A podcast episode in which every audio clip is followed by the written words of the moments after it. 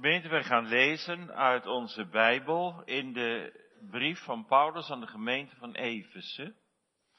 Het eerste hoofdstuk, de eerste veertien versen. De schriftlezing is Efeze 1, 1 tot en met 14. Paulus, een apostel van Jezus Christus, door de wil van God, aan de heiligen die te Efeze zijn en gelovigen in Christus Jezus. Genade zij u en vrede van God onze Vader en de Heer Jezus Christus. Gezegend zij de God en Vader van onze Heer Jezus Christus, die ons gezegend heeft met alle geestelijke zegening in de hemel in Christus. Gelijk hij, ons uitverkoren heeft in Hem, voor de grondlegging van de wereld, opdat wij zouden heilig en onberispelijk zijn voor Hem in de liefde die ons tevoren verordineerd heeft tot aanneming tot kinderen door Jezus Christus in zichzelf naar het welbehagen van zijn wil. Tot prijs, tot lof van de heerlijkheid van zijn genade, door welke hij ons begenadigd heeft in de geliefde. In welke wij hebben de verlossing door zijn bloed, namelijk de vergeving van de misdaden, naar de rijkdom van zijn genade met welke hij overvloedig is geweest over ons in alle wijsheid en voorzichtigheid. Ons bekendgemaakt hebbende de verborgenheid van zijn wil, naar zijn welbehagen, met welke hij voorgenomen had in zichzelf, om in de bedeling van de volheid van de tijd alles weer tot één te vergaderen in Christus, beide dat in de hemel is en dat op de aarde is. In hem in welke wij ook een erfdeel geworden zijn. Wij die tevoren verordineerd waren naar het voornemen van degene die alle dingen werkt naar de raad van zijn wil. Opdat wij zouden zijn tot prijs van zijn heerlijkheid. Wij die eerst in Christus gehoopt hebben. In welke ook gij zijt, nadat gij het woord van de waarheid, namelijk het evangelie van uw zaligheid, gehoord hebt in welke gij ook nadat gij geloofd hebt, zijt verzegeld geworden met de Heilige Geest van de belofte, die het onderpand is van onze erfenis, tot de verkregen verlossing, tot prijs van zijn heerlijkheid. Gemeente, de tekstwoorden voor de prediking van morgen vindt u in de schriftlezing, even 1, de versen 3 en 4. Die gaan we samen nog een keer lezen. 3 en 4. Efeze 1, 3 en 4. Gezegend zij de God en Vader van onze Heer Jezus Christus, die ons gezegend heeft met alle geestelijke zegening in de hemel in Christus.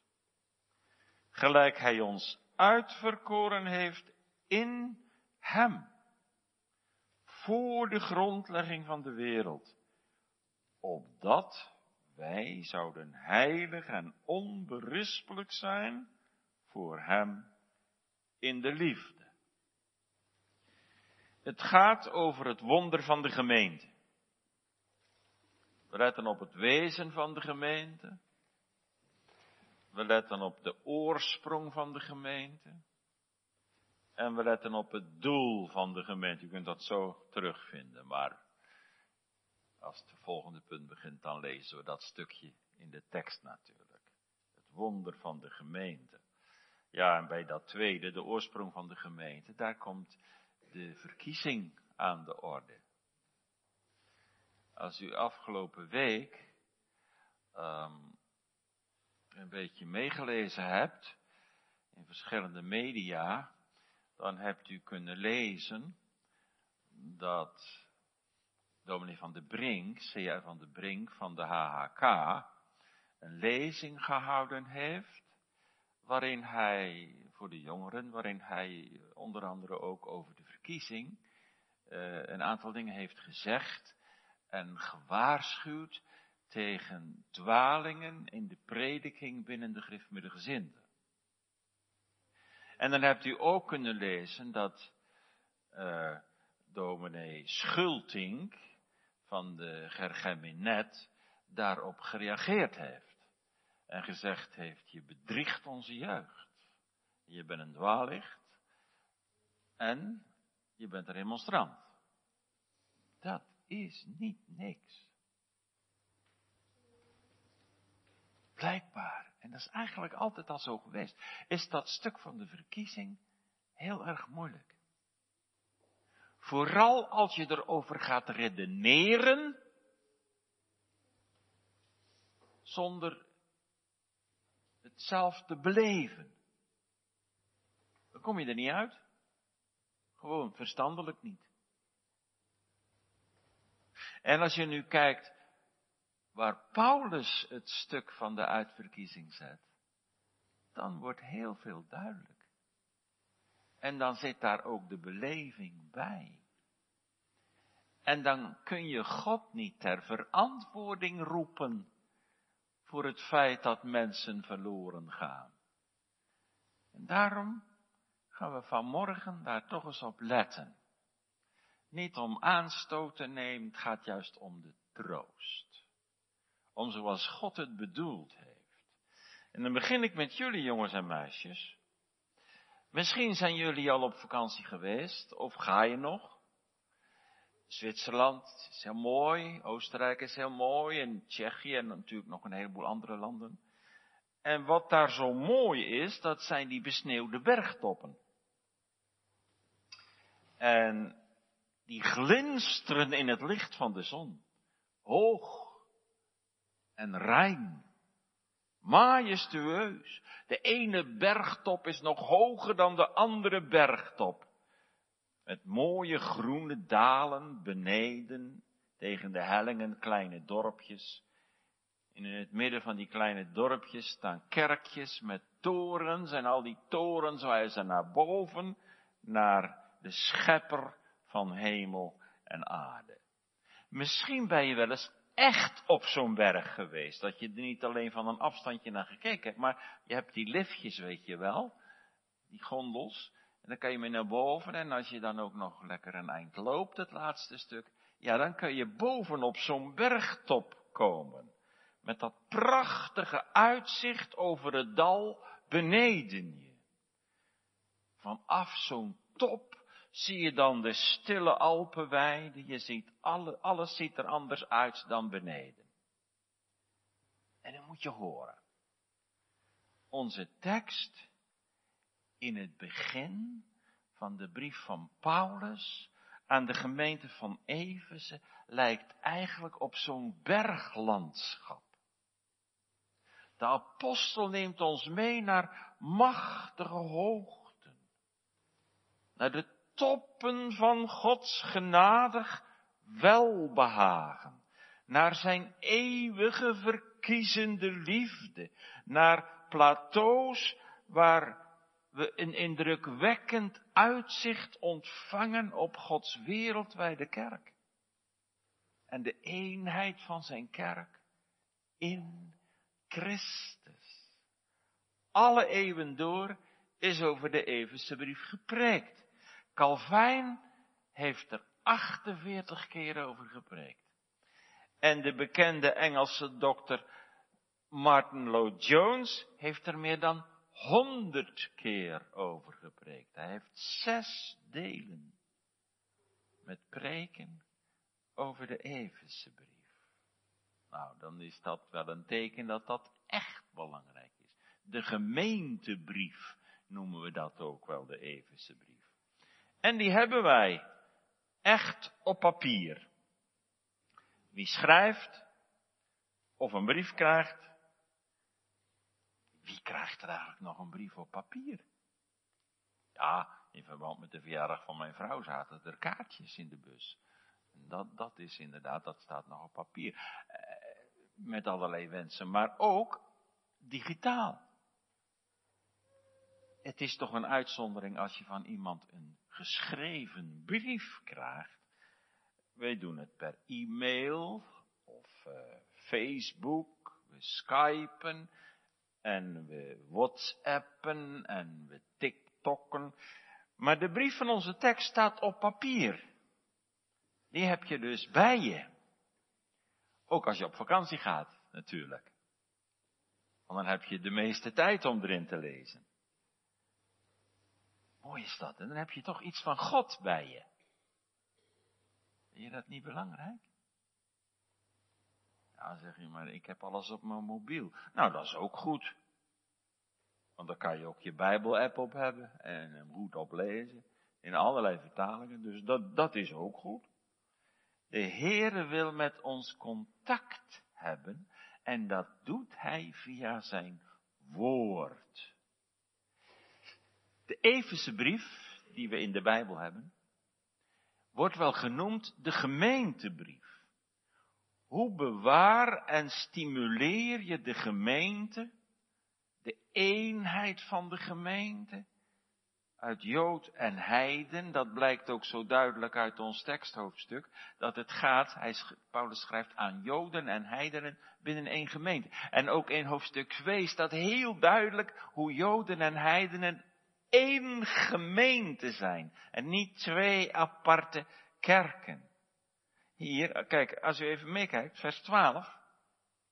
Daar zegt hij, opdat wij zouden zijn tot prijs van de heerlijkheid.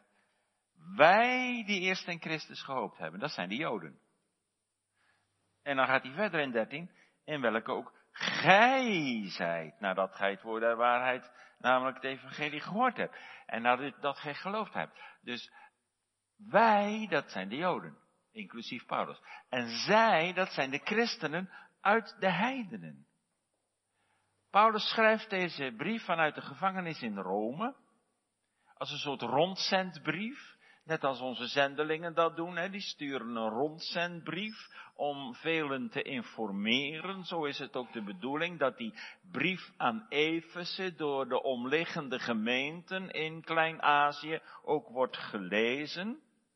Daar is een bijzondere geestelijke band. Efeze was een van de grote vijf steden in het Romeinse Rijk, samen met Rome, Korinthe, Antiochië en Alexandrië. Paulus had een bijzondere band met de gemeente van Efeze. Tijdens zijn tweede zendingsreis is hij daar geweest. En tijdens zijn derde zendingsreis heeft hij daar drie jaar lang gewerkt. Wij vinden dat kort als een dominee drie jaar ergens staat. Maar voor die tijd, als rondreizend apostel, was dat toch een hele poos. Drie jaar lang. En als later, als hij naar Jeruzalem gaat en weet dat hij daar gebonden zal worden, als hij dan de oudsten heeft uitgenodigd naar het strand van Milete om afscheid van hem te nemen, en als hij dan zegt dat ze zijn aangezicht niet meer zullen zien, dan beginnen heel veel mensen te huilen. Tranen wiggelen over hun wangen. Stad Eversen was een commerciële, politieke, godsdienstig middelpunt in Klein-Azië, het huidige Turkije. Daar stond de tempel van de godin Diana. Maar er was ook een gemeente van Christus. En dat is een groot wonder. Zomaar te midden van zo'n grote havenstad, cultureel centrum, een gemeente van mensen die de Heere Jezus volgen. Over het diepe geheim, waarom daar een gemeente is. En waar die gemeente uit bestaat. En met welk doel daar een gemeente is, gaat het in onze tekst. Paulus geeft de verklaring met betrekking tot het ontstaan van die gemeente, de achtergrond, het wezen van die gemeente. Daarmee begint hij zijn brief. We hebben dat gelezen in vers 1. Paulus, een apostel van Jezus Christus, door de wil van God, aan de heiligen die te Efeze zijn en gelovigen in Christus Jezus. Dat is mooi, als je als gemeente zo genoemd wordt. Heiligen en gelovigen. Paulus noemt hier de gemeente naar zijn wezen. Heiligen en gelovigen in Christus Jezus. Als nou de apostel een brief zou schrijven aan Houten.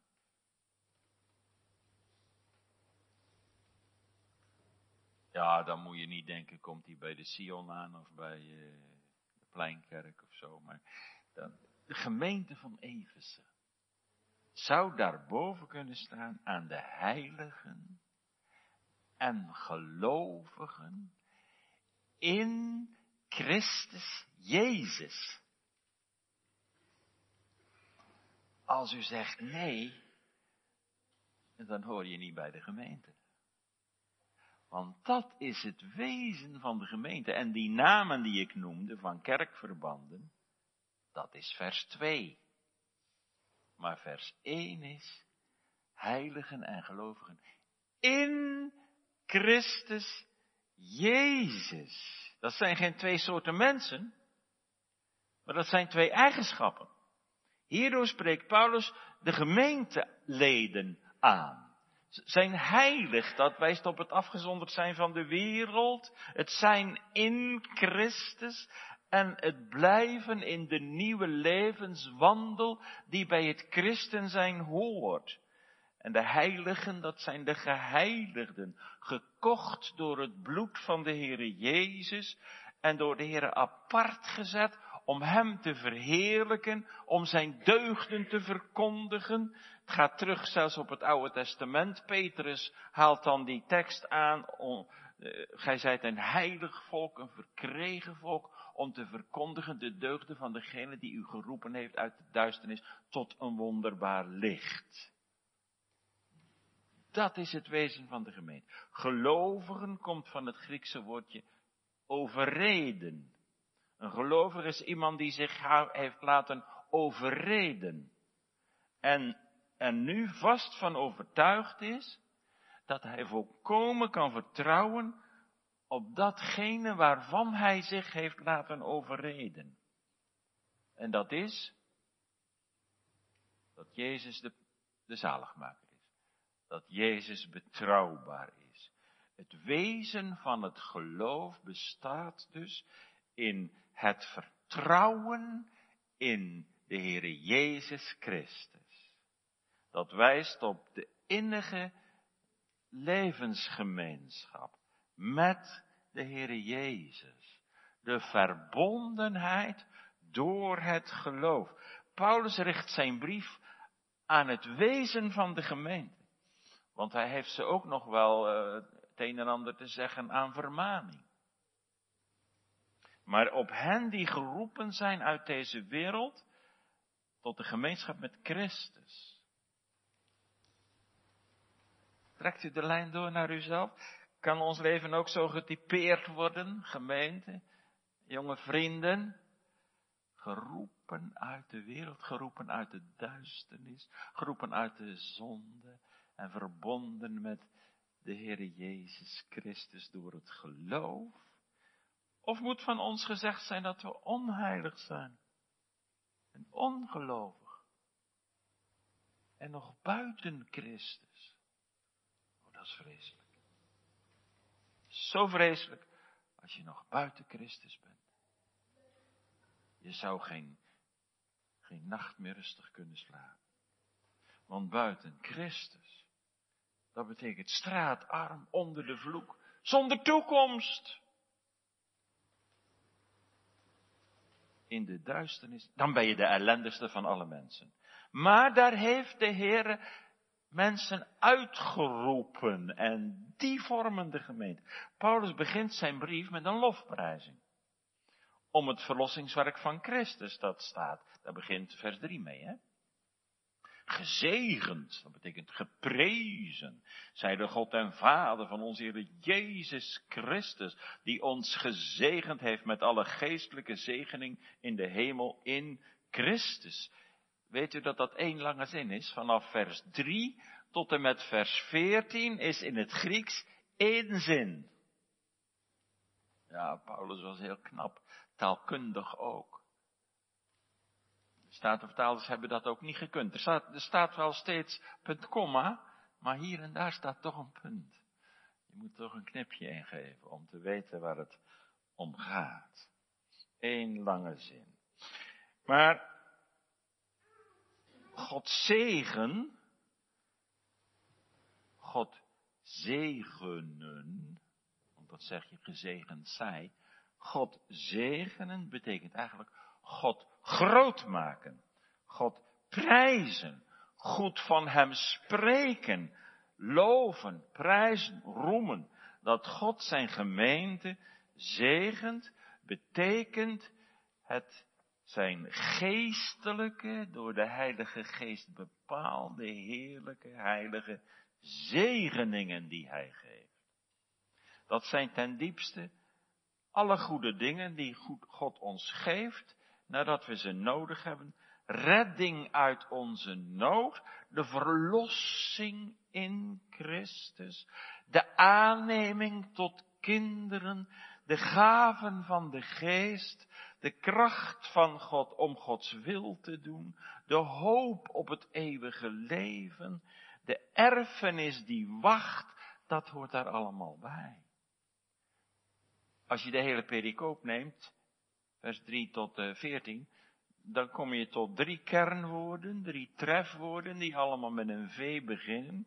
Het gaat over verkiezing, verlossing en verzegeling.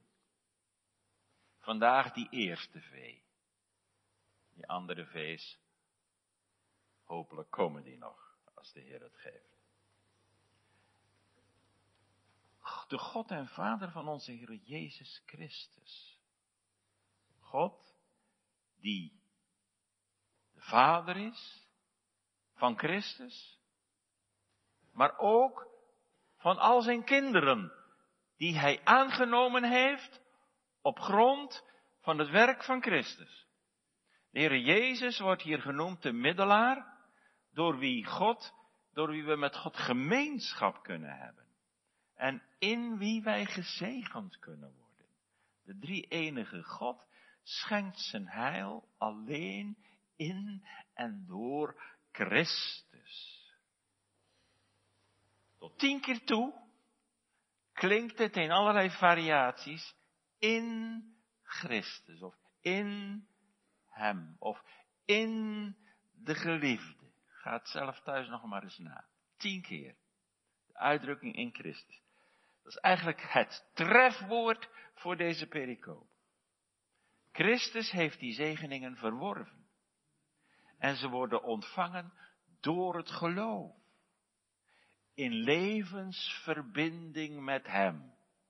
Buiten Hem, los van Hem, kunnen de gelovigen niets en zijn de gelovigen niets. Kort gezegd, Christus is het enige fundament van de gemeente. Het wezen van de gemeente is dat ze van Christus is. Het is de gemeente van Christus. Heiligen en gelovigen in Christus Jezus. Nou, intussen hebben we wel in de gaten, gemeente, hoe geweldig rijk het is om echt bij de gemeente te mogen horen. Denk alleen al aan die heerlijke zegeningen die hij geeft. Vergeving, de aanneming tot kinderen, dat Hij onze borg is, de hoop op de zaligheid. Moet je daar iets voor uh, doen? Moet je daar iets voor zijn? Moet je daar een bepaalde status voor gekregen hebben? Worden die mensen zo gezegend omdat ze zo goed en gelovig zijn? Wat zit hier eigenlijk achter? Wat is ten diepste de oorsprong van de gemeente. Nou, dat lezen we in vers 4. Dat is ook onze tweede gedachte. Gelijk hij ons uitverkoren heeft in hem voor de grondlegging van de wereld. Daar komen we bij de oorsprong van de gemeente. Waar komt de gemeente vandaan? Alles is afhankelijk van God, hebben we gelezen. Nou, hij heeft het bedacht dat er op aarde een gemeente zou zijn die hem dient en prijst en het evangelie doorgeeft.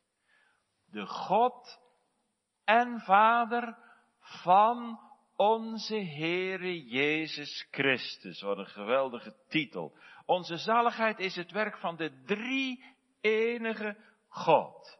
Maar de Vader in het bijzonder had de leiding in het werk van de verkiezing. We worden niet gered omdat we dat verdienen, maar omdat God zo genadig is en daar een plan voor gereed maakte. Op die beslissing van God om mensen te redden, hebben wij geen enkele invloed gehad. Niemand kan zich beroemen op zijn verlossing. Het ging helemaal van God uit. Nog voor wij er waren, zegt Paulus, voordat de wereld geschapen is, had God zijn plan al klaar. Hij heeft ons uitverkoren, zegt Paulus.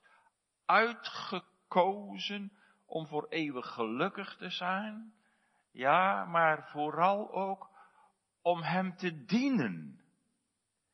En uit wie koos God dan? Mensen uit het gevallen menselijk geslacht. In Adam zijn we allen afgeweken van God. Romeinen 3 zegt, er is niemand die God zoekt. God koos uit een onheilig en verdorven mensengeslacht. Mensen die hij vernieuwt en die hem eeuwig zullen dienen. Als Paulus met dat woordje, dat woordje ons neerschrijft, dan zal hij zeker aan zichzelf gedacht hebben. Want hij was een vrome fariseer. Maar hij vervolgde de gemeenten. Levenslang heeft hij die onwaardigheid daarover in zijn hart gehad. Dan zegt hij weer, ik ben de minste van al de heiligen. En op een andere keer, ik ben de minste van alle apostelen.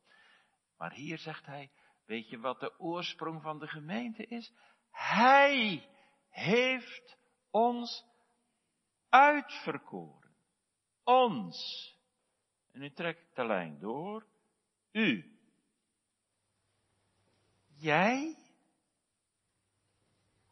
Onwaardig in jezelf? Een tollenaar?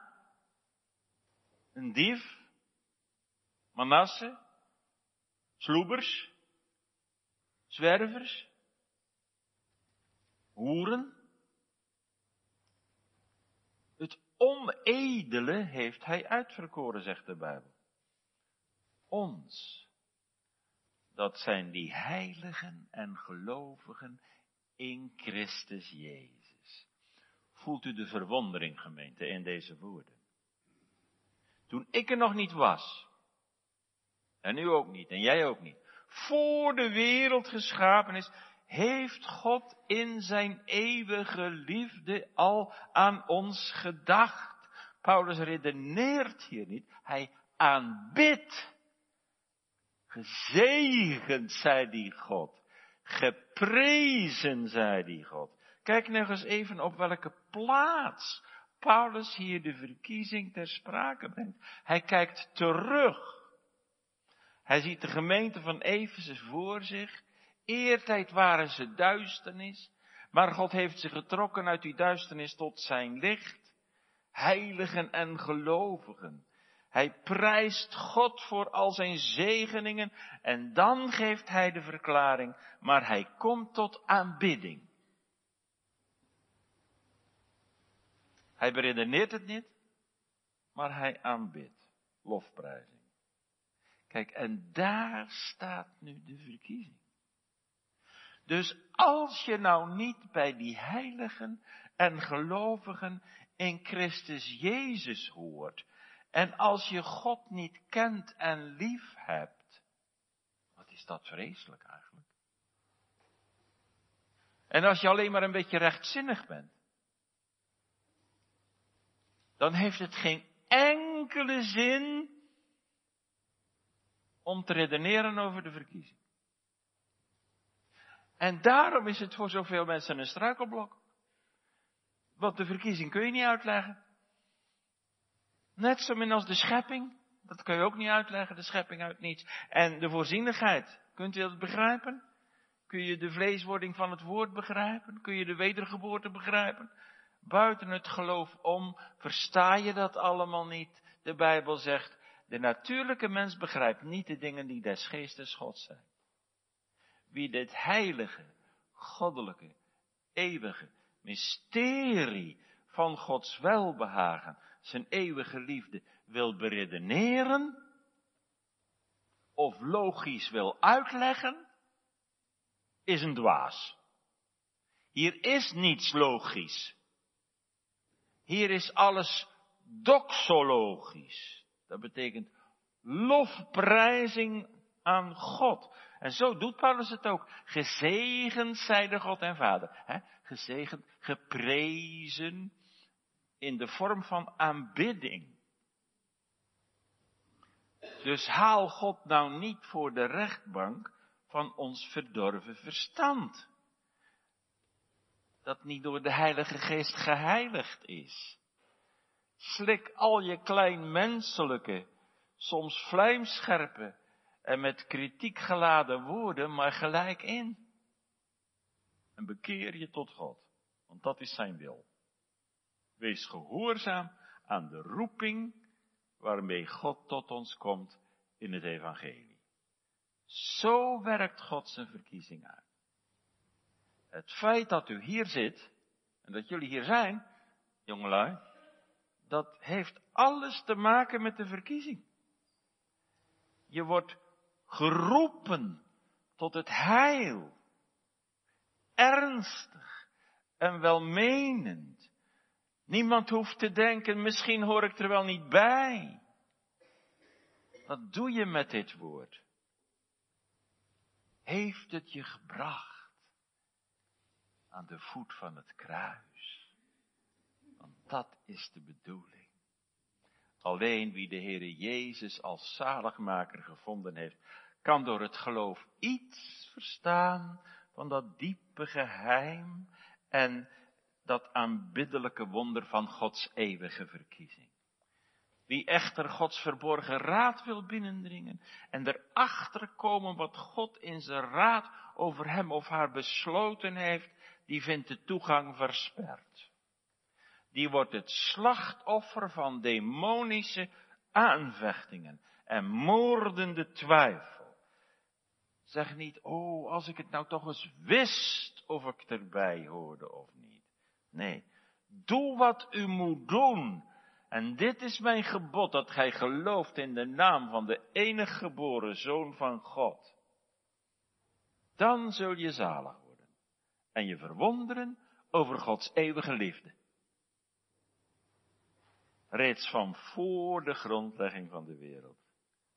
Wat is het rijk, gemeente, om zo op de Heere Jezus te zien, onbevooroordeeld, zonder steeds dat, dat stemmetje in je hart. Ja, maar als God me niet verkoren heeft, dat is niet van God, dat stemmetje. Dat is van de duivel, om je aan het twijfelen te brengen. Want er staat in de Bijbel, God wil dat alle mensen zalig worden en tot kennis van de waarheid komen. Voor de schepping van de wereld begon, voordat de tijd begon, Zegt Paulus, heeft hij ons uitverkoren. Wat ons aan geestelijke zegeningen geschonken is, gaat terug tot op de eeuwige verkiezende liefde van God. Die zegeningen en al het heil en die rijkdom om bij Gods gemeente te mogen horen, gaat niet terug op onszelf, gaat niet terug op ons gedrag, op wie we geweest zijn, maar Gods eeuwige liefde tot verloren mensen. We zijn niet waardiger, we zijn niet beter dan anderen. Alle willekeur is hier uitgesloten. Als wij een plan ten uitvoer willen brengen, dan kiezen we op grond van bepaalde eigenschappen. Nou, die zit zo in elkaar, die hebben we daarvoor nodig. En die zo dapperheid, eerlijkheid, mensen waar je iets mee bereiken kunt. We hebben dan voorkeur. En dat kun je beredeneren, maar God ontfermt zich over mensen die allemaal even slecht en even hard en even doof en even geestelijk dood waren. Is alles genade. En daarom is het eigenlijk niet zo moeilijk, gemeente. Je hoeft er niets voor te zijn. Het is alles genade. En genade, dat is dat je krijgt wat je niet verdiend hebt. Dan moet je toch bij de Heer zijn. Van eeuwigheid af heeft God een plan gemaakt om kinderen des toorns, nakomelingen van de gevallen Adam, die om hun zonde gestraft zouden moeten worden, om zulke mensen aan te nemen tot zijn kinderen. Dat wijst ook op Gods leiding in ons leven trouwens. De een wordt geboren in een christelijk gezin en God zegent de opvoeding. De ander wordt geleid en gebracht onder het woord en zo tot het geloof gebracht en tot de gemeente geleid. Er is niets voor niets in uw leven. Een verhuizing, naar een bepaalde woonplaats, met wie je trouwt, ontmoetingen met mensen.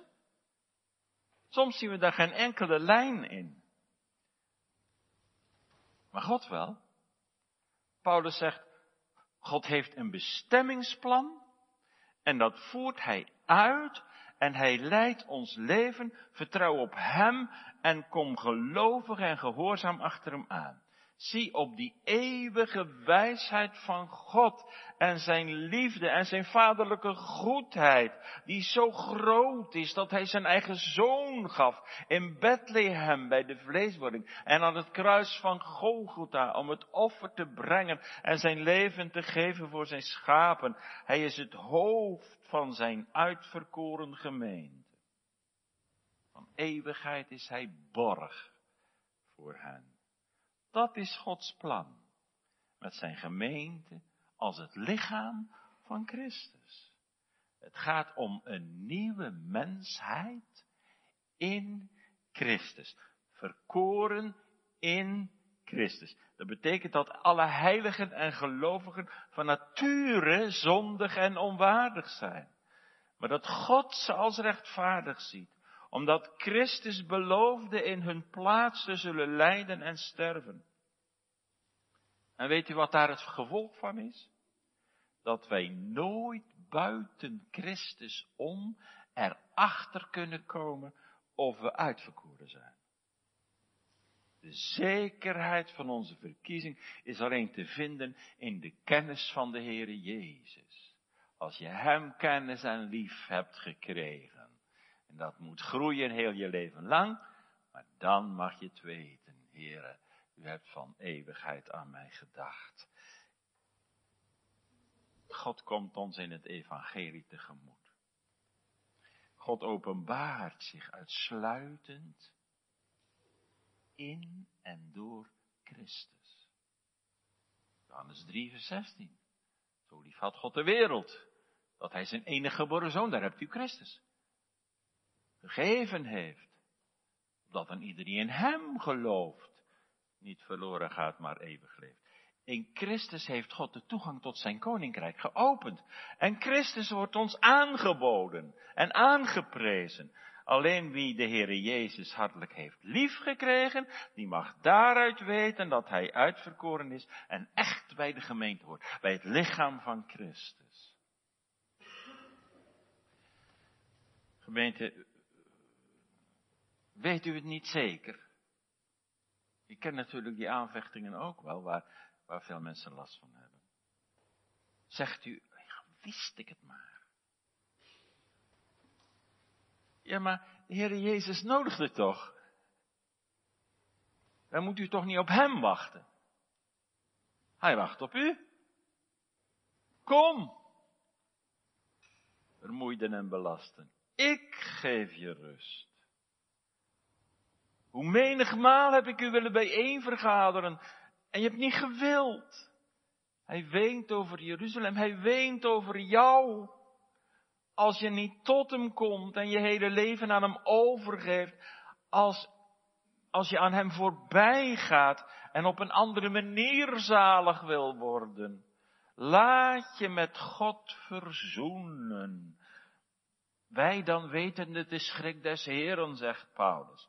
Bewegen de mensen tot het geloof. Loop niet voorbij aan het kruis. Bid en je zult ontvangen. Wend u naar mij toe en wordt behouden. God geeft ons niet eerst een briefje met daarop de mededeling dat Hij ons uitverkoren heeft. Maar God roept ons ernstig en welmenend tot de zaligheid. En als u gekomen bent en uw zonden beleden hebt en Christus lief gekregen hebt, dan mag u daaruit weten dat u behoort bij de uitverkoren gemeente van Christus. En nu het doel van de gemeente, vers 4b. Opdat wij zouden heilig en onberispelijk zijn voor Hem in de liefde. Dat is het doel. Dus er staat niet, want dan kom ik in de hemel. Dat is er ook aan verbonden. Maar als eerste doel noemt Paulus dat helemaal niet. Hij zegt dat we onberispelijk zullen leven. Heilig zullen leven. In de liefde. En dat is juist een uitstraling naar anderen toe. Om hen ook bij de gemeente te krijgen. Dat is het doel. Wat heeft het voor zin om over de verkiezing te spreken. Wat heeft dat te maken met ons leven hier en nu? Nou, dat, dat is ons derde punt. Dat we dienstbaar zijn, dat we heilig en onberispelijk zijn voor Hem in de liefde. Daarom is er een gemeente van God in de wereld. Eerst voor God, geprezen zij God. Dan voor de wereld. De gouden kandelaar moet schijnen als, de, als Christus daarin wandelt, opdat de anderen die nog in de duisternis zijn, getrokken worden. Door ons getuigenis, door onze levenswandel, anderen winnen voor Christus en zijn koninkrijk. En om dat laatste te benadrukken, staan er heel wat opdrachten in de Bijbel dat we, dat we schijnen als lichten in de wereld, dat we er zijn voor God. Laat uw licht al zo schijnen, opdat wij heilig en onberispelijk zouden zijn voor Hem in de liefde. Dus op dat. En niet omdat. We zijn niet verkoren omdat nog iets goeds gedaan hebben of, en dan noem je maar op. Nee, nee, op dat. De vader verkoor niet zijn gemeente omdat hij voorzag dat die mensen wel zouden gaan geloven. En dat ze wel heilig zouden gaan leven. Maar het is net andersom. Op dat. De verkiezing is een verkiezing tot dienst. Dat moet u eraan verbinden. Tot dienst.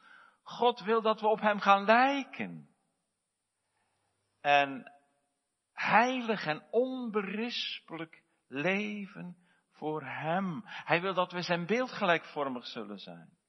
Gij zijt een uitverkoren geslacht, geslacht opdat gij zoudt verkondigen de deugden van Hem die u geroepen heeft uit de duisternis. God wil zijn oorspronkelijke scheppingsplan weer in ongerepte luister herstellen.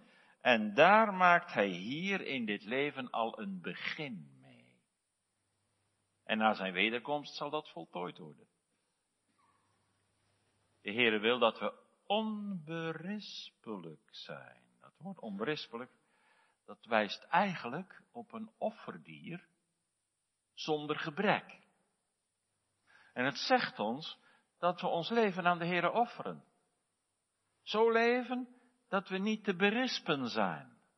Tot die heerlijke adelstand heeft God zijn kinderen uitverkoren. Namelijk om heilig te zijn voor Hem. Letterlijk om voor zijn aangezicht, vlak voor Hem, heilig en onberispelijk te zijn. Zodat Gods aangezicht naar ons is toegewend. Zo heilig en onberispelijk dat Gods oog met welgevallen op ons rust. Als we ons leven wijden aan Hem. Als Jezus naar onze gesprekken luistert, zou hij daar dan mee ingenomen zijn? Zou hij daar behagen in hebben? Wat, wat denkt u, gemeente? Heeft God plezier van u? Heeft hij plezier van jouw leven? Voelt u zich misschien schuldig? Ja, dat is ontdekkend. De prediking van de heiligmaking is ontdekkend. Maar dat drijft ook weer uit tot Christus, die ons door zijn geest vernieuwt. In hem zijt gij volmaakt. Jezus is het onbevlekte, onbestraffelijke lam. Onberispelijk. Leef uit hem, de gekruisigde. Die is opgestaan. Dat drijft uit tot gebed. Heere Jezus, reinig mij in uw bloed, maak mij een beeld van u, vervul mij met uw geest, opdat ik heil, uw heiligheid deelachtig mag worden. Al heb je het er nog zo slecht afgebracht in je leven. Geen zonder is te groot, niemand is te diep gevallen. Of de Heere die zegt, bij mij is plaats. Als ik mijn bloed over je heen giet, dan ben je rein. De rechtvaardiging is volkomen. De heiliging is nog niet volkomen hier. Maar Christus is de hoofdpersoon. En het gaat om een vluchten tot Hem. Tot eer van Hem. Hierin is mijn Vader verheerlijk dat gij veel vrucht draagt. En zo, in dat vruchtdragen, zul je mijn discipelen zijn. Tot God en de naaste zal die liefde zijn opdat we Hem zullen liefhebben. Blijf in mijn liefde. Heb elkaar lief zoals ik u lief gehad heb. Wees onberispelijk in de liefde. Dan beteken je tenminste wat voor anderen. Dat heeft wat te zeggen aan de wereld om je heen. Dan ben je in dienst van de Vader. De liefde doet daarnaast geen kwaad. Toets je leven hier maar aan. Ik vraag niet hoeveel van je van je ellende kent, dat is allemaal nodig. Hoe ver je gevorderd bent in een stuk van de verlossing, weet je wel zeker dat je zonden vergeven zijn, dat is allemaal nodig. Maar het gaat God om één ding en dat is om de dankbaarheid. En die blijkt in onze levenswandel. Heilig en onberispelijk voor Hem in de liefde. Ja, zegt vers 6, prijs van de heerlijkheid van zijn genade. Gemeente zegt nu zelf. Is deze God, die zijn gemeente van eeuwigheid verkoor, die zijn zoon gaf om haar te verlossen en die haar toebrengt door zijn heilige geest, is deze God en Vader niet aanbiddelijk, groot Waarom zou je hem niet lief hebben? Hij is rechtvaardig. Zou u op hem nog kritiek durven hebben? Die volmaakt goed is. Die roept en nodigt tot zijn heil. En als u hem gevonden hebt, neemt Paulus u in onze tekst mee naar het hooggebergte van Gods eeuwige liefde en welbehagen. God had er een welbehagen in toen hij besloot om een gemeente te scheppen die voor hem zou leven, volmaakt gelukkig in de verheerlijking van zijn naam, heilig en onberispelijk voor hem, in de liefde. En als dan dat goddelijk plan in de tijd gerealiseerd wordt, als God zijn profeten stuurt en zijn zoon geboren laat worden en het kruis wordt opgericht op Golgotha en de gemeente door de Heilige Geest wordt toegebracht, als u daarbij mag horen, dan krijgt u daar ook vreugde in, behagen in. O God, wat bent u groot dat u naar mij omzag. Ja, zijn dienst is echt een liefde dienst. Ik zou er vandaag nog mee beginnen, als je het toch niet gedaan had. Zo neemt Paulus ons mee naar de hoogste piek in het hooggebergte van Gods eeuwig welbehagen. En hij zegt, mijn kind, wees toch niet bezorgd. Geef je maar helemaal over. In vertrouwen aan mij. Ik heb je lief gehad met een eeuwige liefde. En zeg daarin het antwoord op zoveel liefdesopenbaring van God in Christus. Maar ja, Vader, lieve Vader in de hemel, ik zal nooit meer verkeerd aan en over u denken. U bent alleen goed en wijs en rechtvaardig en groot van goede tierenheid. Ik heb u niet gezocht, Heer, maar u hebt mij opgezocht en gevonden en aangenomen tot uw kind. O, bron van alle genade. Ik had het niet verdiend, maar het is enkel genade dat u mij aannam. Ik heb u onbeschrijfelijk lief. En dan knielt u neer naast de apostel. In aanbiddende lofprijzing, vol verwondering over zoveel genade, gezegend, zij de God en Vader van onze Heer Jezus Christus, die ons heeft uitverkoren in Hem van voor de grondlegging van de wereld, opdat wij zouden heilig en onberispelijk zijn voor Hem in de liefde. Amen.